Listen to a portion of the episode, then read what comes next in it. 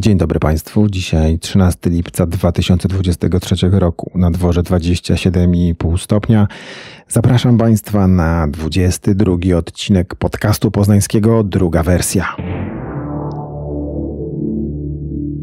Zacząłem w bardzo newsowy sposób, ale dlatego, że mamy dla Was newsa. W piątym miesiącu, tak to piąty, marzec, kwiecień, maj, czerwiec, lipiec, piątym. W piątym miesiącu funkcjonowania podcastu druga wersja doczekaliśmy się strony internetowej. Pewno zauważyliście, a jeżeli nie, to zauważycie. Troszeczkę zmieniły się na przykład wyświetlane linki na Facebooku.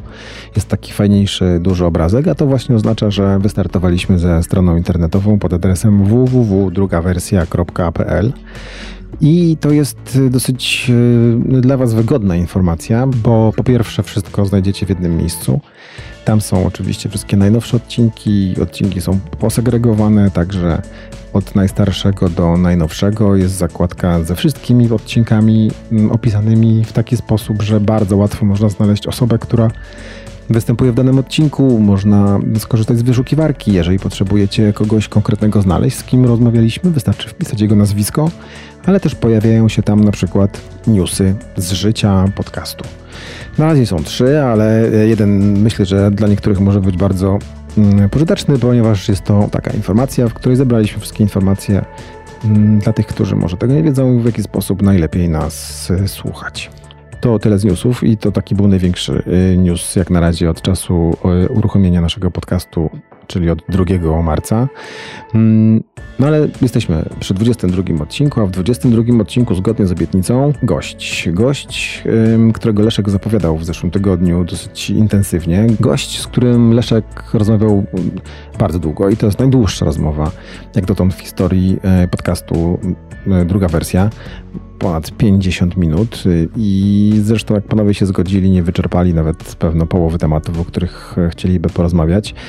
Gościem Leszka Waligóry był Maciej Szuba. Były komendant policji w Poznaniu, były szef Wydziału Kryminalnego, a dzisiaj prywatny detektyw, który opowiada Leszkowi, jak to było w Poznaniu 20 lat temu, jak łapało się złodziei, jak e, wyglądał Poznań, kryminalny Poznań w 90 latach fascynująca rozmowa o przesłuchaniach, o miejscach zbrodni, o poznańskiej gangsterce, o tym, jak to jest, jak człowiek, który popełnił zbrodnię, przyznanie się do winy.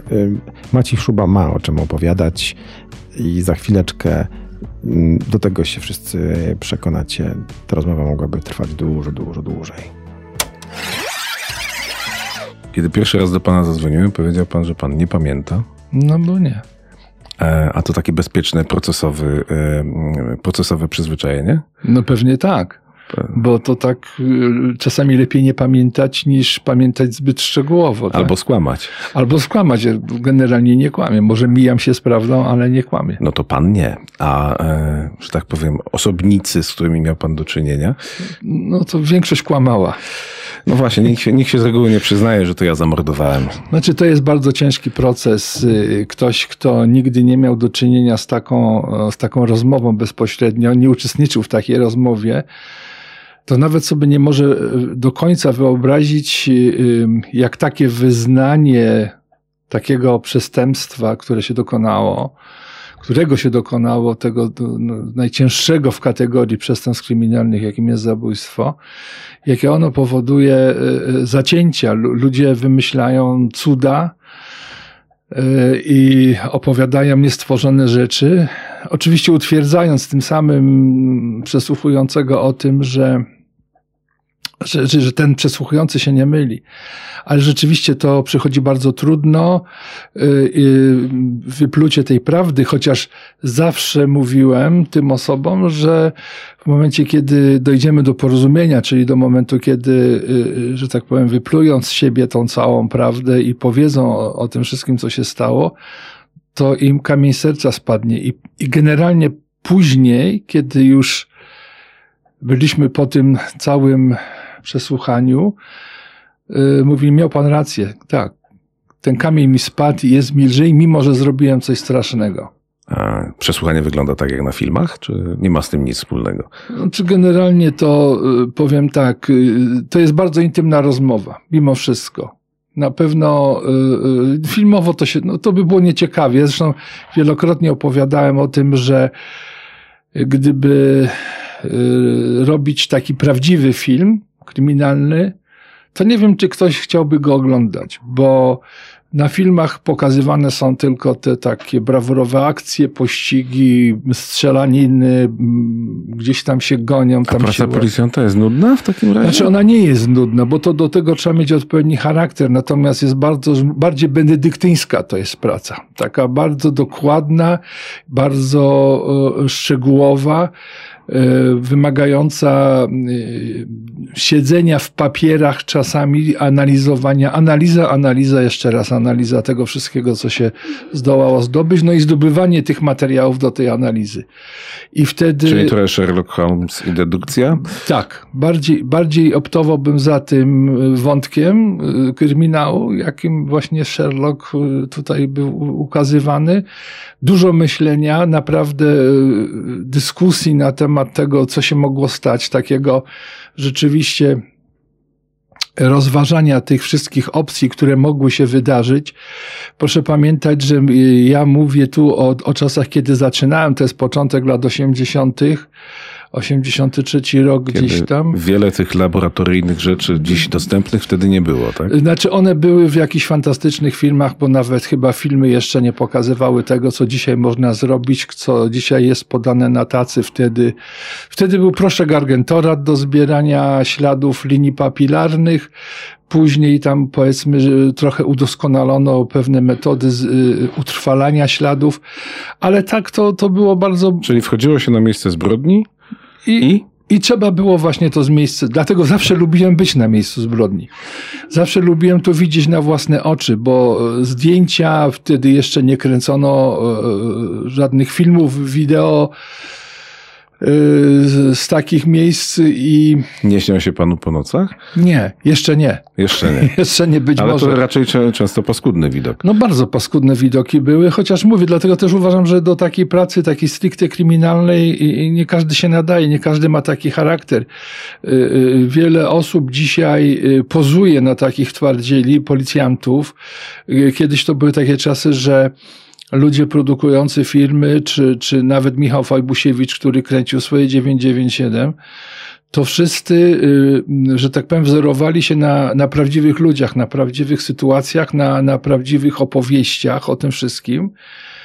I, I to dla powiedzmy aktorów, ten policjant był takim wzorcem. Dzisiaj stwierdzam, że nieco jest inaczej, że filmy Wegi stanowią wzór czy e, ludzie odtwarzają. Dla policjantów. Dla policjantów i oni też chodzą z tymi pistoletami po tych komendach, że tak powiem, przy, przy tyłku i, i tak w zasadzie ja nie rozumiem po co po komendzie z pistoletem się e, obnosić, bo pistolet służy do tego, żeby go użyć w, w określonej sytuacji. A musiał nie... go pan kiedyś użyć? Tak, ale to, to nie było to, to aż takie groźne dla mnie, a, a było bardziej ostrzeżenie o, o, o, o, o sytuacji, która była. Chodziło o, o, o człowieka, który dokonał e, poważnego napadu rabunkowego i, i ten pistolet był bardziej tylko straszakiem. Ale Czyli to... policjanci z Miami i strzelanie co tydzień to... No nie, to nie była Ameryka jednak. Dzisiaj być może i dzisiaj na pewno sytuacja ma się inaczej. Dzisiaj rzeczywiście y, przestępcy, druga strona y, policjantów y, no po prostu jest bardziej agresywna, bardziej butna, bo to dzisiaj y, policjant też jest w takiej troszeczkę odmiennej roli. Dzisiaj go e, niektórzy stawiają do kąta. Widzę na tych różnych filmikach w internecie, jak tam przepytują policjanta, jaki przepis, a to, a tamto, a siam to, wam to. Prawda jest też taka, że ci policjanci tak do końca są niedouczeni. Oni po prostu nie, e, raz, że nie mają tej wiedzy teoretycznej, ale też nie mają takiej też praktyki. Tak, brakuje takiej charyzmy temu policjantowi, który, który potrafiłby rozwiązać trudną sytuację który y, y, w pojedynkę czy w dwóch potrafiliby by zażegnać jakiś konflikt, oni da, czasami dopuszczają do tego, że, że, że to eskaluje i się robi po prostu nieprzyjemnie, więc też jakby byłoby brak pracy szkoleniowej dla tych policjantów. Oni po prostu no, przychodzą, są jakoś tam przeszkoleni, no i, i, i idźcie na tą ulicę, a, a, a ulica to wcale nie jest łatwa służba. A ulica niekoniecznie szanuje policję. No raczej nie. A kiedyś było inaczej? No powiem tak, ja zaczynałem w czasach, kiedy był, był, taki, był taki duży respekt. Ja nie chciałbym powiedzieć, że, że strach, chociaż ludzie obawiali się tych milicjantów. Ja nie mogę zrozumieć dlaczego. Ale dowcipy o milicjantach krążyły. Bo krążyły, oczywiście i od dzisiaj o policjantach też krążą, także to, to, to no w Ameryce byłem też tam, się mówi o policjantach, także wie pan, to, to, jest, to jest taki świat i nigdy się nie lubi tego, kto coś może mi zrobić, może mnie zamknąć, tam udowodnić mi, że zrobiłem coś złego, a ja tego nie chcę. I, i, i to się, to, to, ale to jest rzecz naturalna. Trzeba umieć śmiać się z siebie i, i, i to jest najważniejsze. Natomiast wracając do początku, no, no były to nieco inne czasy. Był to, mówię, taki okres po stanie wojennym, kiedy no, jakieś takie przerażenie. Chociaż ja nigdy nie stwarzałem swoim zachowaniem wśród ludzi, czy wobec ludzi jakichś obaw, bo, bo ludzie, ja mu stwierdzałem, że, że, że, że ten milicjant wtedy, on nie jest po to, żeby ludzi straszyć, on jest po prostu, żeby ludziom pomóc, a bandyci niech się boją, bo to, to, to jest taka funkcja, że tak powiem, policjanta czy milicjanta, jak będziemy ich nazywać, to, to jest najmniej istotne i, i rzeczywiście trzeba było tym ludziom pomagać. I się pomagało i potem ludzie bardzo, bardzo szybko weryfikowali y, swoje opinie. Oczywiście no, no nie wobec wszystkich, no bo drogi panie, no idioci zdarzają się wszędzie, tak? I, i to było, jest i będzie, o nawet mi się to mhm. ładnie zrymowało. I, i, I za to nie możemy. Natomiast myślę, że, że cały wizerunek y, właśnie y, o policji, o milicji, no to tworzą poszczególni policjanci, funkcjonariusze, którzy, którzy w tej formacji występują. I no jeżeli ktoś idzie do policji po to, żeby się go bali, no, to nie wiem, czy to jest właściwe miejsce dla takiego człowieka. Opinia o panu jest taka, że jest pan człowiekiem, któremu można zaufać. Czy, y, czy e, to zaufanie budował też pan w przestępcach? Tak. Powiem szczerze, pod że tak. względem? Pod każdym. Znaczy, pod każdym możliwym do, do, do, do, do tak powiem, do spełnienia. Bardzo często y, taki jeden przykład może mi do głowy przyszedł, kiedy pomogłem kobiecie, dziewczynie, zabójczyni. Pomogłem w ten sposób, że e, ta kobieta dokonała zabójstwa swojego konkubenta. On był, on był, to był wampir, to był, to był, to był, że tak powiem, zły człowiek, niedobry, bił, lał i tam robił wszystko, co tylko można złego robić. Ona nie wytrzymała, go zabiła. Wezwała policję, że tam ktoś go zabił gdzieś na mieście, znaczy ugodził nożem gdzieś na mieście, że przyszedł do domu i skonał. Ja byłem wtedy naczelnikiem Wydziału Kryminalnego w Komendzie Wojewódzkiej. Pojechałem na to miejsce, do tego mieszkania. I powiem szczerze, od samego początku mi się nie zaczęło to sklejać. Wszystko, co było powiedziane, to nie pasowało mi do, znaczy nie przyznała się, tak? Czy... No nie przyznała się, nie, no mało podtrzymywała tą wersję, że przyszedł do domu, upadł, y, krwawił z jakiejś rany, coś. No i, i, i tam rzeczywiście jakaś opowieść, niby, że on jeszcze zdążył powiedzieć, że gdzieś na, na, na, na mieście, w okolicy Starego Rynku, ktoś go ugodził, on tam jakąś taksówką niby miał przyjechać. No takich z tego różnych opowieści. I ja wchodząc, bo to było na, nie wiem, trzecim, czwartym piętrze wchodząc, nie, nie znalazłem ani jednego, ani jednej kropli krwi na tym, na tych schodach. Mówię, to jest niemożliwe. Człowiek ugodzony nożem w brzuch, okazało się, że, że aortę miał przeciętą. On by się wykrwawił normalnie w kilkadziesiąt sekund, tak do końca. Zostawiłby masę krwi, jeżeli byłby w stanie w ogóle dojść na to któreś piętro. Ja poprosiłem tą panią, tak poprosiłem wszystkich, bo już tam mówię, policjanci, którzy tam byli, no w większości uwierzyli w tą historię. Ja y, poprosiłem, o, że jednak będę rozmawiał z nią sami, rozmawiałem.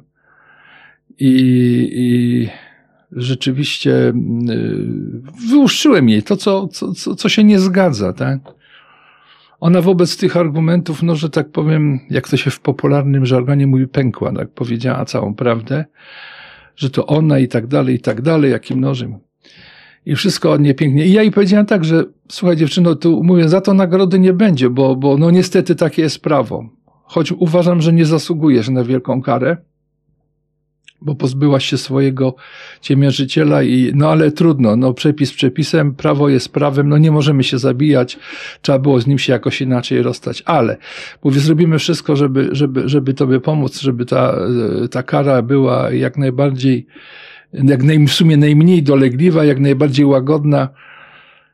I e, ona mi po prostu uwierzyła. Jeszcze, jeszcze już kiedy była zatrzymana, tymczasowo aresztowana, jeszcze e, poszedłem do niej do, do, do aresztu, jeszcze tam jakąś tam paczkę zaniosłem, żeby jej trochę osłodzić życie i mówię, pomożemy, naprawdę pomożemy, żeśmy rzeczywiście tam z prokuratorami tak omówili, że, że mm, oczywiście wyrok był, ale ona bardzo szybko z tego więzienia wyszła.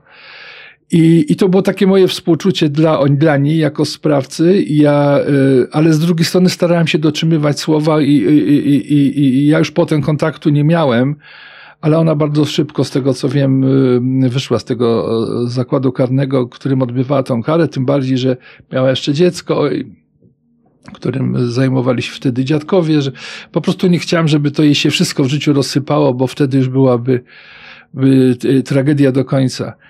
I myślę, że, takich przypadków bym znalazł, po prostu też widzę człowieka w, z drugiej strony, tak? Tak to się stało w tym przypadku tej kobiety i, i było takich wielu innych, których potem już mi było żal. Proszę mi wierzyć, że, że tutaj była tragedia, straszna, straszna zbrodnia. W momencie, kiedy powiedzmy, że to ja wygrałem tą rozgrywkę, to spojrzałem. Nie ma radości. Tak, nie ma radości, bo, bo, bo, bo tak, jedno życie e, pozbawione zostało przez tego, co przeci, naprzeciw mnie siedzi, a ten, co siedział naprzeciwko mnie, to też złamane życie, bo to, e, jak to były takie ciężkie sprawy, to e, już nie było kary śmierci, chociaż w jednym przypadku taką karę wykonano ale to był, to był złoczyńca, y, który rzeczywiście zamordował. A co to była za sprawa? To była, za, ja nie pamiętam, y, ja nie pamiętam y, nazwiska, ale to była dziewczynka kilkunastoletnia, pod kurnikiem gdzieś tam A. została napadnięta i tam, no on ją potraktował bardzo jeszcze po śmierci, bezcześcił zwłoki. To była moja koleżanka ze szkoły. Tak się skurzyło. Podstawowej.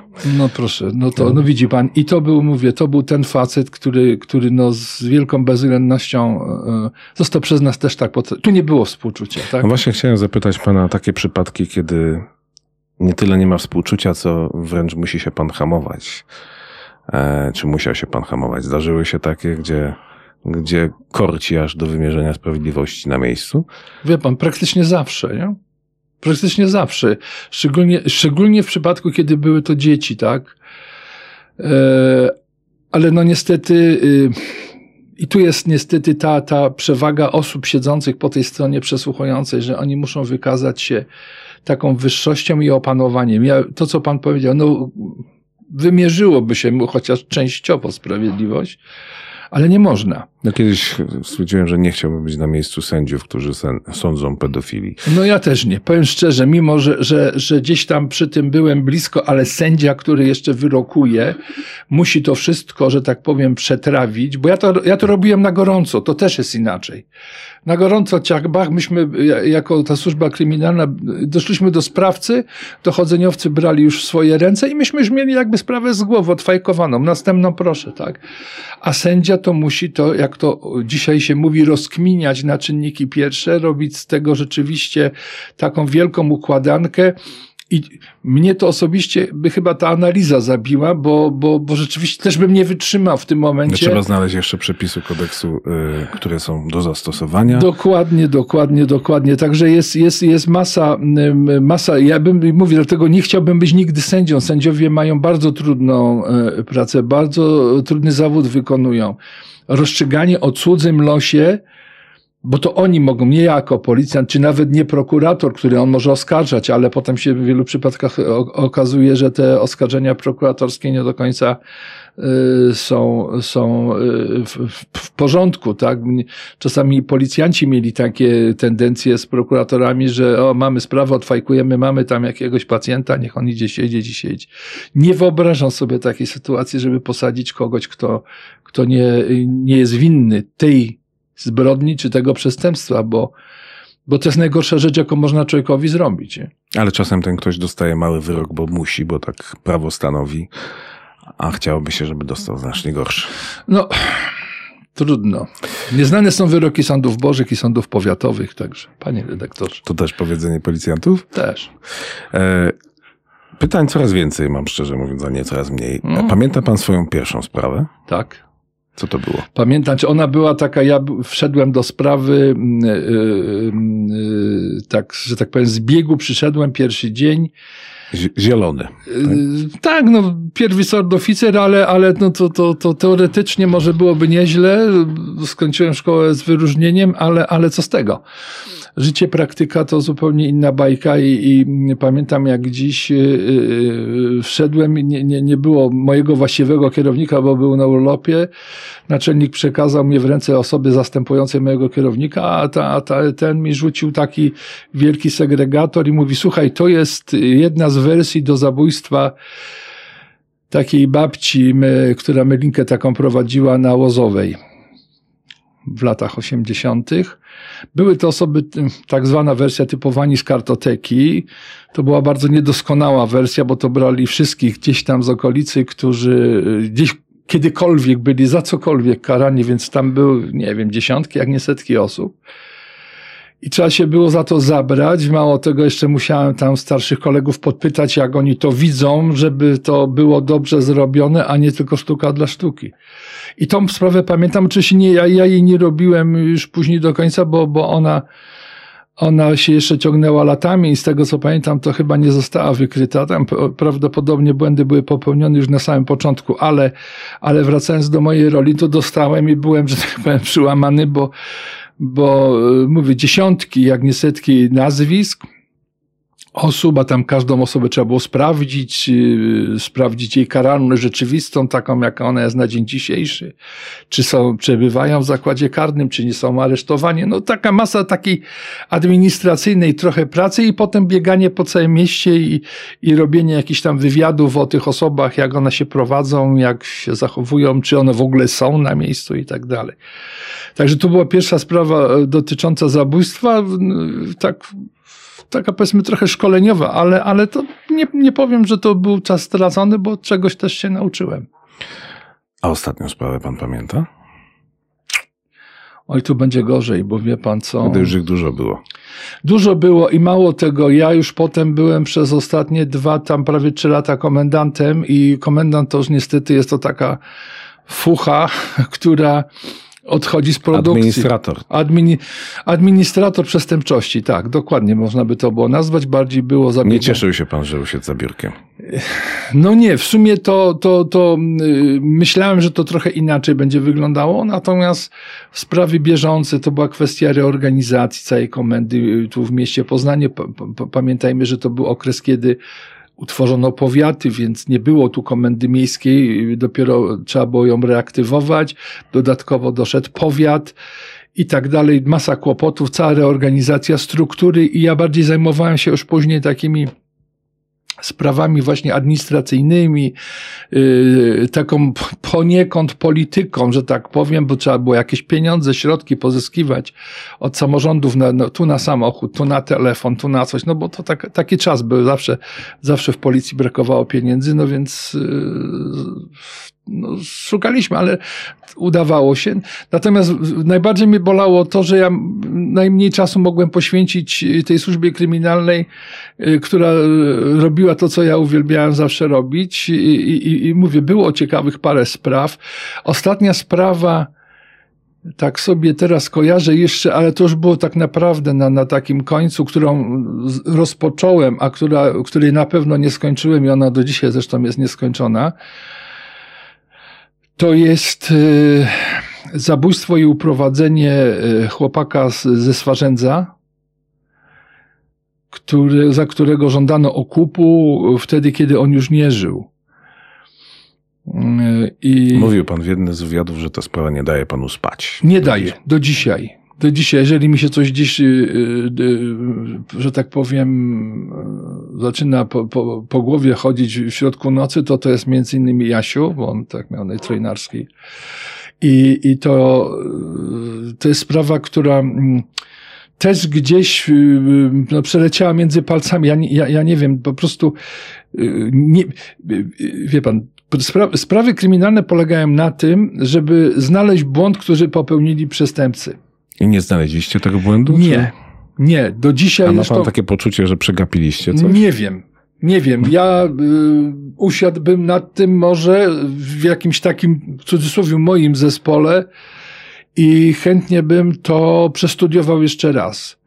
Bo błąd na pewno był popełniony, coś było przeoczone, bo w momencie, kiedy byśmy ten błąd znaleźli, to sprawa jest zawsze, każda już jest wtedy prosta. Jak znajdujemy błąd sprawcy, bo nie ma sprawy bez błędu. Są A jednak jest wiele spraw, których sprawcy nie wykryto. Ale widzi pan, y, przy dzisiejszych y, metodach badawczych, które y, nauka nam podała na tacy, możemy sobie pozwolić na to, żeby sięgać do, e, e, po sprawy sprzed 20 i więcej lat. W Tak? ostatnich miesiącach archiwum Mix, e, w ostatnich latach, tak, tak mhm. Mix kilka takich spraw miało. Jedna spod wrześni bodajże. Ta Zyta tak. Michalska tak. była, właśnie to była sprawa, gdzie mój wydział jakby tą sprawą się zajął. Rzeczywiście tam zrobiliśmy wszystko, co się dało zrobić. I okazuje się, że zrobiliśmy to wszystko dobrze, bo zabezpieczyliśmy perfekcyjnie wszystkie ślady, które pozwoliły na przeprowadzenie badań po 20 latach. No tam chyba nawet więcej. O, już nie pamiętam. W każdym razie y, 20 lat i okazało się, że Że, że, że to, y, że tak powiem, sąsiad y, ze wsi obok y, był sprawcą. który zresztą był w aktach śledztwa. On był, zawsze tak jest, że zawsze w pierwszym tomie jest sprawca. I naprawdę, ja słyszę to powiedzenie często. Tak, to, bo tak jest. To jest fakt? To jest fakt. Znaczy przynajmniej w 95%, tak, że w pierwszym tomie jest sprawca. Yy, No bo siłą rzeczy myśmy tam zagarnęli tam wszystkie wioski naokoło i, i, i całe to Mikuszowo, które yy, było jakby yy, centrum działania. I, i, I ten człowiek musiał być, tylko faktycznie nie mieliśmy żadnego weryfikatora. To były czasy, kiedy mo można było tylko przez medyków sądowych stwierdzić, że ta substancja to jest nasienie męskie i nic więcej. Do kogo należy to już Tak. tak. Wiele lat później badania genetyczne. Po prostu, y, no, ale to znaczy, że myśmy zrobili jednak tą swoją pracę wykonali właściwie, bo zabezpieczyliśmy to wszystko w ten sposób, że dało się to wykorzystać i wskazać sprawcę, który jak go zatrzymywano, to wiem już z pierwszej ręki, y, y, no nie miał nic do powiedzenia, przyznał się po prostu. I to już człowiek, który założył rodzinę, miał Tak, dzieci. on tam już wyparł to chyba, po prostu już normalnie żył i się okazało, że, że, że jednak przyszli po niego.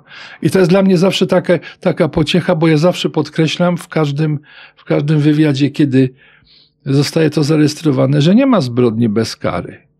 Ona nastąpi wcześniej lub później i, i, i że nie ma zbrodni doskonałej, bo tam mówią, że zbrodnia doskonała. Nie ma doskonałych zbrodni. Ale są przestępcy niezłapani. No to tak, ale to widać, że do czasu, no, no, do czasu. Do Jak pan czasu. sądzi, sprawa e, i- i- Janka e, ma szansę się skończyć z łapaniem sprawców? Jeżeli ktoś by się tym zajął, zajmował, nie wiem, muszę, b- będę rozmawiał, będę też prosił o, o jakby to archiwum Mix, żeby sobie może sięgnęli do tego. Y, Być może, jeżeli zaprosiliby do, do, do rozmowy chociażby, co niektórych uczestników tej sprawy, to też jest to, że, że y, każdy tego robala w sobie nosi nie, nie, niewykrycia i, i, i, i, i może mm, przekazać swoje sugestie, bo A miał pan tam w tej sprawie takie przekonanie e, niepodparte dowodami, że rozmawia ze sprawcą, że wie kim jest sprawca? nie, nie. Na początku nie. Y, Mówię, to, to, dla, dla, tej sprawy trochę było to, to takie trochę nieszczęście dla mnie też, bo to był okres, kiedy już byłem po, po, po już właściwie wszystkich tych tam sprawach związanych z obejmowaniem y, Komendy Miejskiej y, Policji w Poznaniu. I, już właściwie to moje życie przenosiło się już z tej, z tej roboty, z tego wykonawstwa na, na te poziomy, że tak powiem, administracji policyjnej. I mm, koledzy moi, którzy ze mną pracowali, których potem przecież pociągnąłem ze sobą, na, na, byli naczelnikami tutaj Wy- Wydziału Kryminalnego, y, mieli kierownicze stanowiska, to oni też jeszcze nad tym pracowali, ale no coś nie tak, co, jest, coś jeszcze w tej sprawie jest. Coś, czego, coś, co może przeoczyliśmy, bo, no, bo coś, coś musiało być. Ginie chłopak w centrum Swarzędza, można powiedzieć, centrum osiedla, tak? Tam to był biały dzień, to nie była ciemna noc, tak? No, co prawda dzisiaj to też jest nieco lepiej, bo y, przez te no, 30 będzie nie lat. Przez te 30 lat, prawie 30, 20 parę, to jednak system monitoringu się bardzo rozwinął, system tele, telefonii komórkowej, który no Łatwiej jest... mają policjanci. No mają łatwiej, rzeczywiście mają o wiele łatwiej, bo mówię, ta technika No, im... Mamy y, sprawę Ewy Tylman, gdzie właściwie Mhm. Bez monitoringu nie byłoby tak łatwo chyba. No i w tych wszystkich innych zaginięciach, niech pan zwróci uwagę, później był taki chłopak, który też gdzieś wyszedł ze Starego Rynku i poszedł nie w tym kierunku, trafił na szeląg, Tak. tam wpadł, no, ale to, no właśnie te ślady elektroniczne y, po- i kamery y, uliczne pozwalały na naprowadzanie na naprowadzanie, że tak powiem, na ten właściwy trop i szukanie we właściwym miejscu, tak, bo e, wszystkie te fantastyczne tam później teorie, które zawsze się pojawiają w takich sprawach, to wszystko trzeba eliminować, bo nie ma nic gorszego jak e, fałszywe tropy i wtedy policjanci zajmują się wszystkim, tylko nie tym, czym powinni. No ale wyjaśnić trzeba, taka jest zasada. Wpływa coś do sprawy, jakiś tam anonim, czy wpływa jakiś donos z więzienia, bo ktoś tam coś gdzieś sobie przewidział. Nie można tego odrzucić i wrzucić do kosza, do kosza bo, bo po prostu no, to jest niezgodne jakby z zasadami i procedurą. Ale mówię, wykonać trzeba i, i, i wtedy cały ten impet zostaje wstrzymany, bo, bo już nie, nie ma tego parcia na, na, na tym właściwym kierunku. Ma pan więcej takich spraw, które za panem chodzą? O, no, wie pan, jest, cały czas chodziła właśnie Zyta Michalska, to był taki bardzo duży, bolący temat.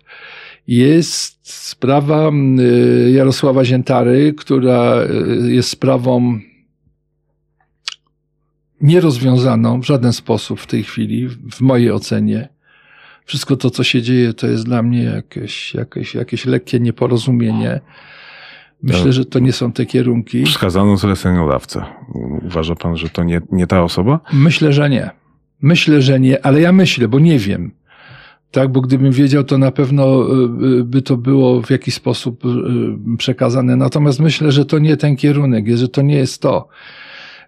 Wie pan, to jest w ogóle specyficzna sprawa, która Dla ludzi, którzy nie śledzą taka informacja. Dziennikarz zaginiony, ciała nigdy nie odnaleziono. No właśnie. E, No i jeszcze przedziwne powiązania z UOP. I to jakby też spowodowało dużo złej krwi w całej tej sprawie, bo ja pamiętam, ja, ja nie uczestniczyłem w tej sprawie jako, jako wykonawca, nawet nie nadzorowałem, bo to była specjalna grupa pod nadzorem zastępcy komendanta wojewódzkiego. Ale no siłą rzeczy to mój zastępca by- był w tej grupie i, i no rozmawialiśmy, bo trudno nie rozmawiać i, i jakby dyskutować na ten temat. Ale yy, no mówię, to, to, to, to pismo do UOP, które, z którego wynikało, że on nigdy nic i do po 20 latach okazuje się, że jednak. Tak? I teraz no, no jak, to, jak to tłumaczyć, jak to, jak to interpretować? Ja nawet byłem przesłuchiwany w sądzie i pani sędzina pytała, pytała mnie, czy, czy gdyby, gdyby Ja- Jarosław został moim agentem jakimś tam w takiej służbie, to, to czy ta sprawa by y, była wygodna? Jak najbardziej byłaby wygodna. No nie ma lepszej przykrywki. No szukamy y, Jarosława Ziętary, zaginionego dziennikarza. No nie ma go, nie ma. Nikt nie będzie identyfikował jakiegoś tam człowieka, nie wiadomo gdzie, że, że, że, że to może być on, że to może być jakiś, jakiś człowiek podstawiony przez służby. Oby tak było, tak, bo, bo, bo nikomu nigdy nie, nie, nie życzyłem śmierci i, i, i w tym przypadku to mówię. by znaczy, znaczyło, że on gdzieś tam sobie żyje. Tak? No wtedy to by znaczyło, że on żyje i no, może to kiedyś gdzieś wyjdzie albo nie wyjdzie.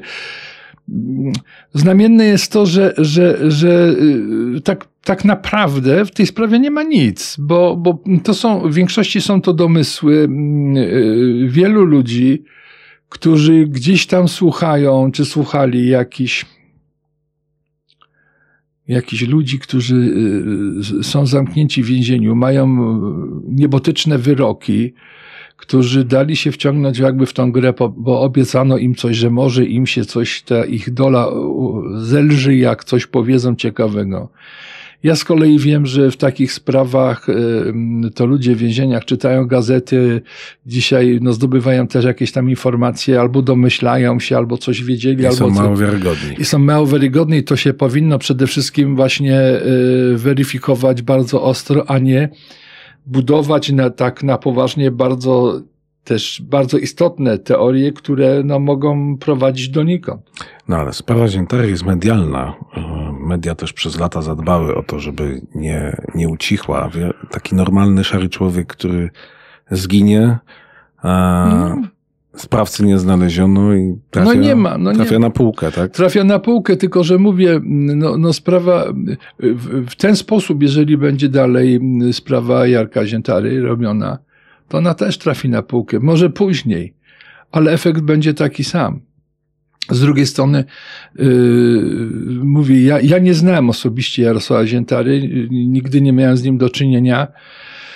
To są jeszcze czasy, kiedy Jurek Nowakowski yy, prowadził takie sprawy w, Gazecie Poznańskiej. Jeszcze był słynny Zbyszek Szymański-Żuk z, z Ekspresu Poznańskiego.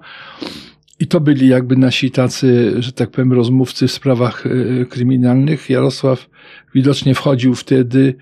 No, No Krzysiu młody Kazimierz, dziennikarz. tak, Krzysiu Kaźmierczak też wtedy jeszcze nie był takim e, doświadczonym jak, jak powiedzmy już później i dzisiaj.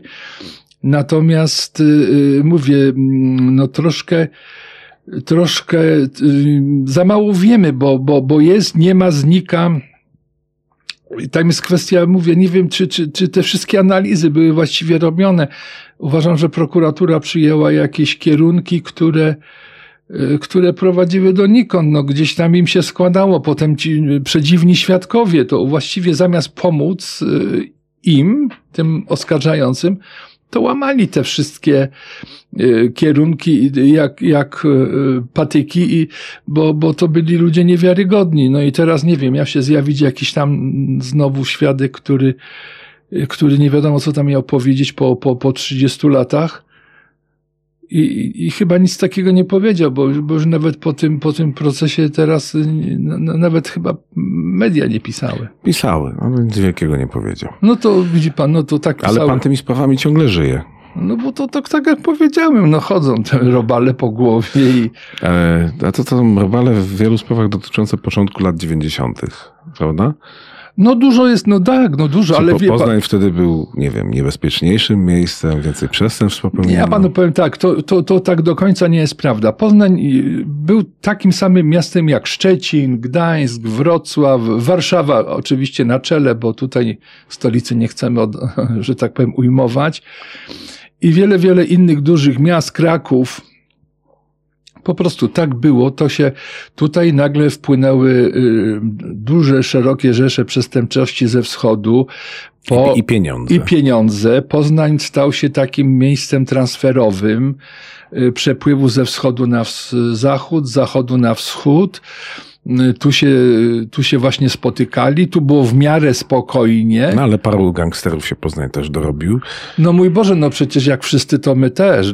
Byłoby źle, gdyby nam zarzucili, że my nawet jednego porządnego gangstera nie mamy. Zabójstwa na zlecenie też były. Były, oczywiście, że były i były podkładane bomby, i były wysadzane sklepy i tak dalej. Był, próbowano troszkę e, tych restauratorów tam po, postraszyć i gonić na, na starym rynku, ale powiem szczerze, y, mądrość ludzi, którzy byli tymi restauratorami i, i, i tam sklepy różne prowadzili, y, i chęć współpracy z policją wtedy i z władzami miasta wtedy był Chce pan powiedzieć, że pogoniliście gangusów? Znaczy, pogoniliśmy na tyle, że problem nie był tak nabrzmiały jak y, w Warszawie. Utworzyliśmy taki system ostrzegania czy informowania policji o, o, mm, o sytuacjach, które miały miejsce na terenie lokalu.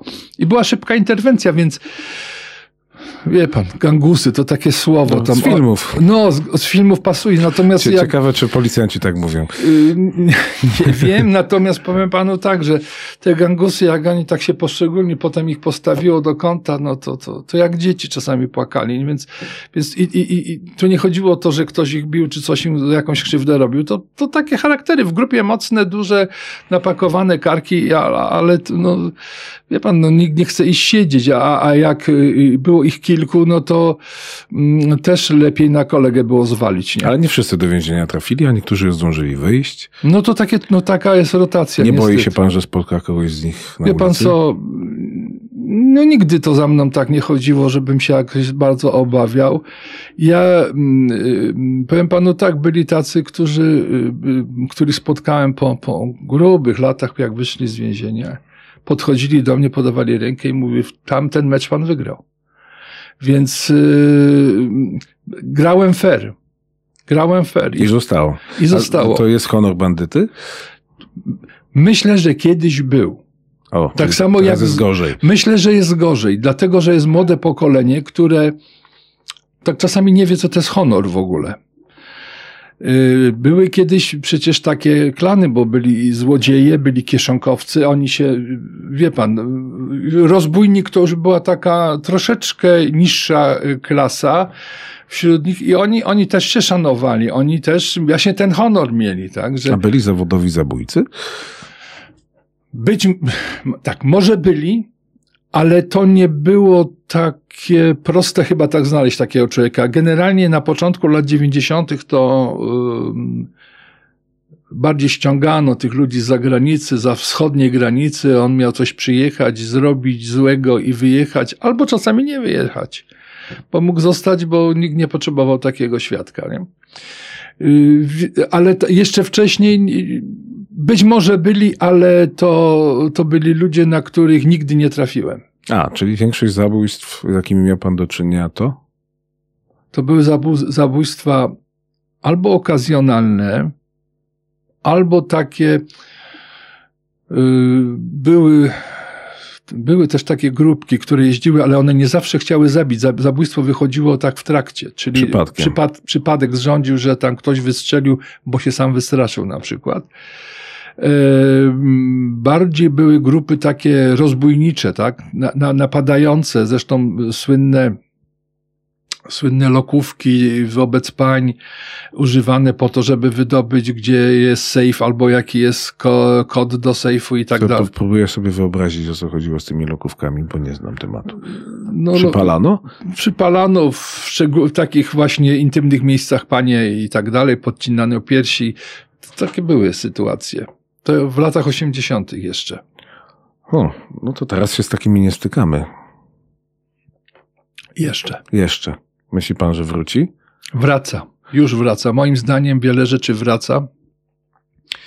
Z uwagi na to, że, że sytuacja jak- jaka jest, taka jest, proszę zwrócić uwagę, że w pewnym momencie, jak gdyby byśmy, byśmy troszeczkę też y, na tyle to wszystko było wyciszone, że y, tak, włamań do mieszkań prawie nie było. Napadów, bo ja wiem, czy tam ileś tam było, kilka, Sytuacja ekonomiczna powoduje? powoduje to, że ludzie zaczynają kombinować. Ja, ja widzę taką obserwację w tak zwanych samobójstwach rozszerzonych, chociaż to zła, zła nazwa. Oczywiście bardzo zła nazwa, nie wiem dlaczego to się, chyba z Ameryki to się wzięło. Ale w, w latach 90., kiedy kryzys cisnął ludzi, kiedy wiele osób było zadłużonych, nie wiedziało jak wyjść z tego, to, to się częściej zdarzało i teraz widzę, Mhm. że No wracaj to tak w niepokojącej i- i- ilości. Ale też wracają takie, niech pan zwróci uwagę, tam gdzieś jakiś napad, ktoś wchodzi na stację benzynową, to tam gdzieś do sklepu e, rabuje. Nie są to jeszcze jakieś drastyczne i zorganizowane, ale to jest jeden krok. czyli pieniądze skłaniają ludzi w jakiś tam sposób do, Dokładnie. do przestępstwa. W tym czasie pojawiły się, wie pan, wnuczki, policjanci, jacyś inni urzędnicy, którzy dzwonią i mówią, że jestem prokuratorem, jak tam da pan ileś, to dam pana wnuczek, z tego wyjdzie i tak. Tego nie było kiedyś, bo telefonów było mało.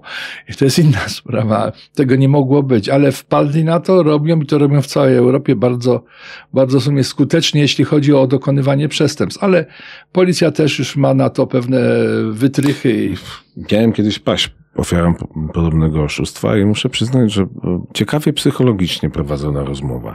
To jest e, talent, czy tego się ludzie uczą? Nie, talent. Ja myślę, że to jest jakiś taki talent y, kogoś, kto prowadząc rozmowę, niby informując, wyciąga więcej informacji niż sam przekazuje. I, I w tym momencie y, uzyskuje takie informacje, które y, jak gdyby przekonują osobę, która ma te pieniądze e, znaleźć i, i, i przekazać do tego, że to, to jest słuszna jedyna, jedyna droga, jaka, jaka jest, to właśnie dać i zapłacić tamtemu, kto się tam powiedzmy za pół godziny pojawi pod domem. I nikomu nic jeszcze, broń Boże, nie mówić. Ale tam oprócz utraty pieniędzy najczęściej nic się złego nie dzieje z człowiekiem. Na całe szczęście. Na całe szczęście, tylko naj, najbardziej przykre jest to, że dotyka to ludzi starszych, tak? Którzy sięgają po ten, ten wdowi grosz, czy te ostatnie swoje na czarno godziny odłożone pieniądze yy, i tylko bazuje się na to, że to są dobrzy ludzie. Bo, Takimi sprawami się pan teraz zajmuje? yy, też. Nie Też, powiem, że... py, py, pytałem przed rozmową.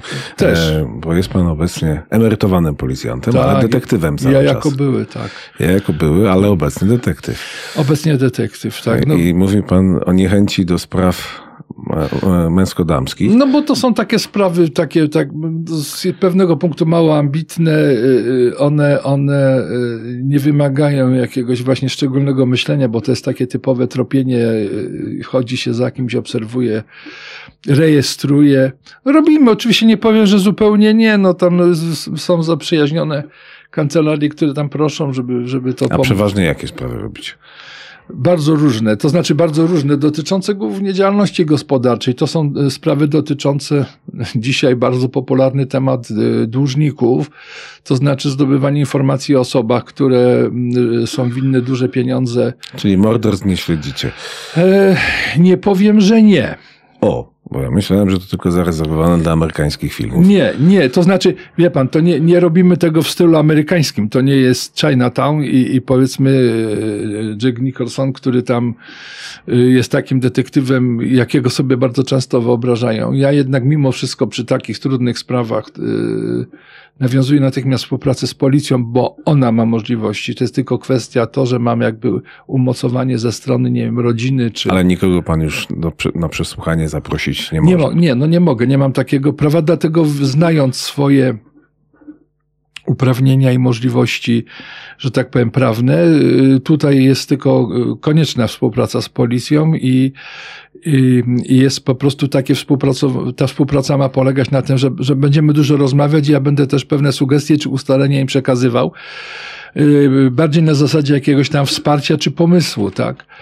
Y, No no niestety no, ta ustawa jest taka, jaka jest i nie za bardzo daje, y, daje możliwość, y, tutaj mówię y, w cudzysłowie oczywiście, poszalenia w takiej sprawie, bo, no bo nie, a tu nikt nie będzie chciał łamać prawa i narażać się policji, a, a chodzi o to, aby na zasadzie zdrowej współpracy, nie rywalizacji, bo, bo są tacy, co będą rywalizować, nazwisk nie będziemy wymieniać e, i pokazywać, że są lepsi, potem Ale wi- widać ich w telewizji. w- widać ich w telewizji, potem wychodzi, że są, że są lepsi, bo są gorsi. O, cytat ze znanego filmu.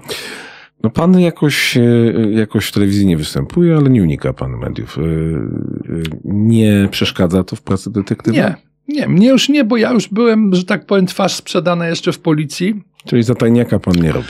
Nie, bo ja już od czasu, od, lat, y, od czasów y, programu 997 już mnie tam Michał Fabusiewicz y, często gościł. Czyli jeżeli pan szuba za kimś idzie, to na pewno nie śledzi. Mm, No nie, raczej nie. Zdarza się, ale to robię to tak umiejętnie, że nikt nie wie, że to pan. No to nie będę pana pytał o szczegóły. E, Jest jedna sprawa, o którą pana nie zapytałem z przeszłości, a Mhm. która mnie e, interesuje również dlatego, że, że e, dziennikarsko wtedy nie tyle debiutowałem, ale interesowałem się Mhm. sprawą. Pamięta pan zaginioną, bo to ciągle zwłok nie odnaleziono, pośredniczkę nieruchomości. Tak, oczywiście. No nie, no to... Słynna sprawa. Słynna sprawa, y, 2004 rok. i- Zwłok nie odnaleziono, Nie odnaleziono, bo tajemnicę zabrał jeden człowiek ze sobą do grobu. e, a po- powie pan kto? Mąż. E, Po, mówię to z pełną odpowiedzialnością, choć dowodów na, ty, na to wprost nie ma. Yy, natomiast jest, jest, to, jest to bardzo trudna sprawa i to jest jedna z tych, co mi nie dają spać, bo tu już nie byłem policjantem, ale oczywiście współpracowaliśmy bardzo, bardzo ściśle z policją w tej sprawie. Teore- teoretycznie kobieta wyszła z domu i zniknęła. Teoretycznie. Tak, tylko że w mojej, w mojej ocenie, po analizie tego wszystkiego, ona wyszła, ona z tego domu nie wyszła tego dnia, kiedy zostało to zgłoszone. Ona po, jej zaginięcie faktyczne było co najmniej dobę wcześniejsze. Później było pozorowanie szeregu ruchów takich, które by wskazywały, bo to telefon już wtedy też zostawiał ślady, że ona żyje, jest i chodzi i tak dalej. No i następnego dnia wychodzi gdzieś na spotkanie z klientem, na które nie dociera, nikt jej po drodze nie widzi, taki klient jest, takiego klienta nie ma i w ogóle wszystko jest jedną wielką fikcją. I mm, to jest, to jest boląca sprawa, dlatego że ona mówi, to już, to już jest, będzie 29 lat. 30 będzie w przyszłym roku. Ale mąż nie pękł wtedy. I on nie pękłby do końca. On, bo tylko on mógł wiedzieć albo wiedział, gdzie są zwłoki i co się z nimi stało. Myśmy dosłownie, jeszcze ja miałem takich chłopaków e, tutaj, wynająłem wtedy, myśmy naprawdę bardzo szczegółowo razem z policją podzieliliśmy się, badali i Cybinę, i Wartę. Ale krążyły tam wtedy legendy miejskie, że ją zamurowano w budowanym moście. No czy wie pan, to jest jedna z wersji, której bym do końca nie wykluczył, ale tego zbadać się nie da, niestety. To jest nie do, nie do zrobienia, bo by trzeba było sięgnąć do, do materiałów budowy mostu, dziennika i co tego dnia się działo. I jest to oczywiście możliwe. Ale kosztowne. Ale bardzo kosztowne. No właśnie o to chciałem zapytać też. Szczerze mówiąc, czy są takie sprawy, gdzie sprawcy się nie wykrywa albo sprawy nie prowadzi się dalej, bo jest zbyt kosztowna? Wie pan co, ja nie pamiętam takich, y, takich spraw. Bo często tak się patrzy, to środki zaangażowane w złapanie przestępcy są ogromne. Ogromne. To są ogromne, tak, bo to ludzie sobie nie zdają. Tutaj nikt nie patrzy na ekonomię, tak? No nie może, tak, bo jeżeli, jeżeli policja, powiedzmy, że działa w imieniu i w interesie państwa, no to państwo musi na to łożyć. Tak? Oczywiście y, też y, nikt nie będzie przesadzał, szczególnie w dzisiejszych czasach, kiedy z tymi pieniędzmi to bywa różnie, ale mm, no gdyby to był może ktoś bardzo ważny, to może by ten most gdzieś tam jakoś próbowano jakimiś innymi metodami, odwiertami, czymś tam zrobić. Nie wiem, bo to by trzeba było tu przede wszystkim inżynierów, którzy y, uczestniczyli w ty, wtedy zalewaniu betonem tego, tego mostu Rocha i wtedy zobaczyć według dzienników, jak to, jak to było, jaki etap, gdzie to można szukać. Beata była bardzo drobna, ona była malutka, to, to, to, to taki kurczaczek, no dosłownie. I, I to nie był chłop taki jak pan czy ja, to, że, że, że, że no, no kurczę, jednak troszkę y, y, powierzchni zajmujemy i, i ta kubatura by była większa, ukrycie gdzieś w jakiejś niszy, no, no wszystko jest możliwe.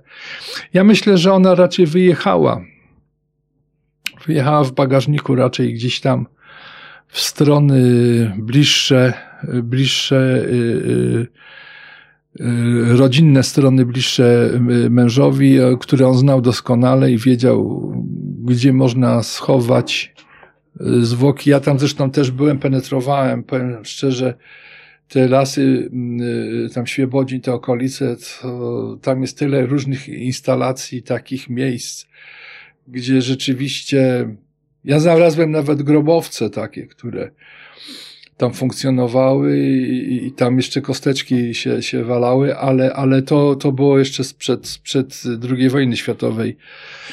Yy, to były zwłoki tam, czy szczątki. Natomiast takich miejsc, gdzie można by było takie niewielkie, yy, że tak powiem, zawiniątko gdzieś schować, masa. Czasami mam wrażenie, że jest, y, lasy są pełne takich. Myślę, że tak. Proszę zwrócić uwagę, ile osób ginie w roku i ile statystycznie się znajduje, tak?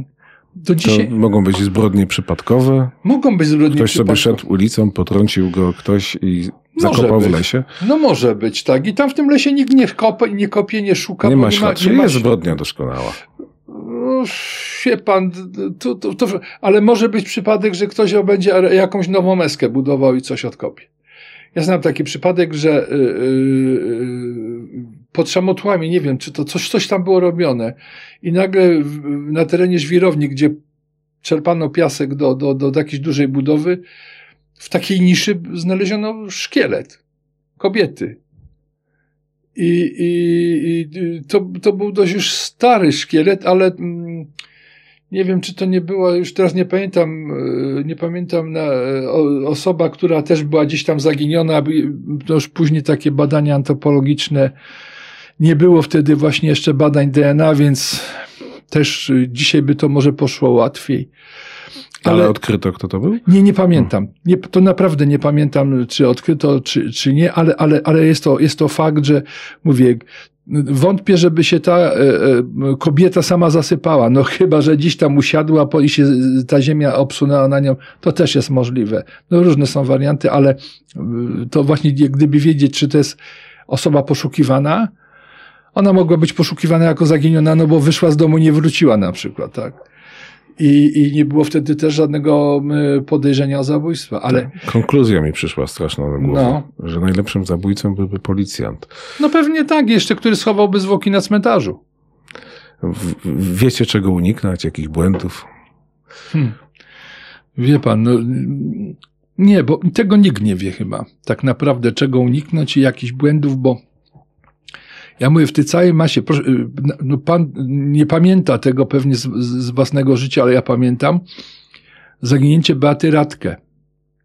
Mała dziewczynka na Grunwaldzie, która szła do kościoła, bo była przed komunią, czy po komunii, ale jakieś takie i też na, na odcinku kilkudziesięciu, kilkuset może metrów zaginęła i czarna wołga wtedy się pojawiła. I do dzisiaj też jej nie ma. I pytanie, Beata żyje czy nie żyje? I takich przypadków, gdyby wziąć, przeanalizować, nawet w internecie jest tego sporo. Tysiące. To są tysiące, tak? Jeśli dobrze pamiętam, 15 tysięcy ludzi rocznie. No e, jest, jest, e, no jest sporo, tak? Jesteśmy dość dużym narodem mimo wszystko, ale, ale to są liczby, które są realne i prawdziwe. Natomiast teraz pytanie, ile z tego jest, jest to kwestia samobójstwa, świadomego pozbawienia się życia, a ile tu jest zabójstw, tak? Bo to jest na pewno ciemna liczba zabójstw. Tu jest... W Stanach się mówi o seryjnych zabójcach. W Polsce od lat właściwie o kimś takim nie słyszano. No nie, no bo tutaj mieliśmy słynnego Kolanowskiego, który, który był tam przypisywany do, do, do jakiejś większej serii, ale on był bardziej nekrofilem, chociaż dokonał też zabójstwa. Później był ten słynny yy, yy, wampir, co go właśnie niedawno wypuszczano, co chyba teraz w Gostycy nie siedzi. Yy, on był, on był pasowany do, do naprawdę kilkudziesięciu zabójstw, ale w efekcie on nie wiem, czy za jedno, czy za dwa został yy, zamknięty, ale on jest niepełny. Zabójca chłopców, jeśli dobrze pamiętam. Tak, ale czy, czy on tylko już mówię, bo to, to, to akurat mówię, myśmy, myśmy tutaj go do, pasowali, jak była ta słynna akcja zemsta, taka co tam sprawca wypisywał na lustrze, e, że to jest zemsta, to robił dla zmyłki oczywiście i tutaj w Poznaniu został zatrzymany, ale był taki poszukiwany y, w Polsce też sprawca, jak na początku sądzono kilkudziesięciu zabójstw, oczywiście jak poszło do sądu, to się okazało, że tych zabójstw jest, nie wiem, czy jedno, czy dwa, czy trzy, coś takiego. Y, I ale tak naprawdę, co on ma na sumieniu, ten człowiek, to tylko on wie albo już nie wie, bo, bo to też jest, wie pan, jeżeli się robi coś takiego y, złego i to robi się w jakiejś takiej mm, dużej częstotliwości, to on potem też zatraca jakby y, realne poczucie tego, co się naprawdę dzieje. Nie? I myślę, że zadałbym panu jeszcze jakieś 50 pytań ale, e, o przeszłość, ale chyba będziemy musieli w tym momencie skończyć naszą opowieść. Trudno. Trudno, ale dobrze się rozmawia, więc zaprosimy pewnie e, pana jeszcze raz. Nie mam nic przeciwko temu. Więc... Jednak pamięć panu nie, nie szwankuje. Ale szwankuje, widzi pan, tego ostatniego sobie przypomnę za chwilę. To jest po covid To, to dogramy. dogramy. E, moim państwa gościem był Maciej Szuba, detektyw, były policjant, były komendant miejski e, w Poznaniu e, i były szef Wydziału Kryminalnego i kryminalista, można by powiedzieć. Tak. Policjant kryminalny od początku. No tak można powiedzieć. Dziękuję bardzo. Dziękuję.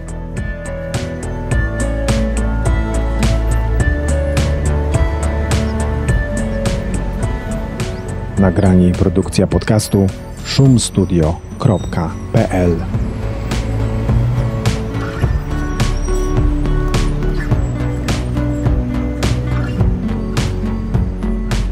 Dla wielu z nas 90. lata to czas, który przeżyliśmy w Poznaniu. O tym, o czym e, mówi Maciej Szuba, mówił Maciej Szuba. Słuchaliśmy w telewizji, czytaliśmy w gazetach. Świetnie się słucha, jak to wszystko wyglądało e, z drugiej strony. Mówiliśmy już o tym trzy razy, powtórzę czwarty.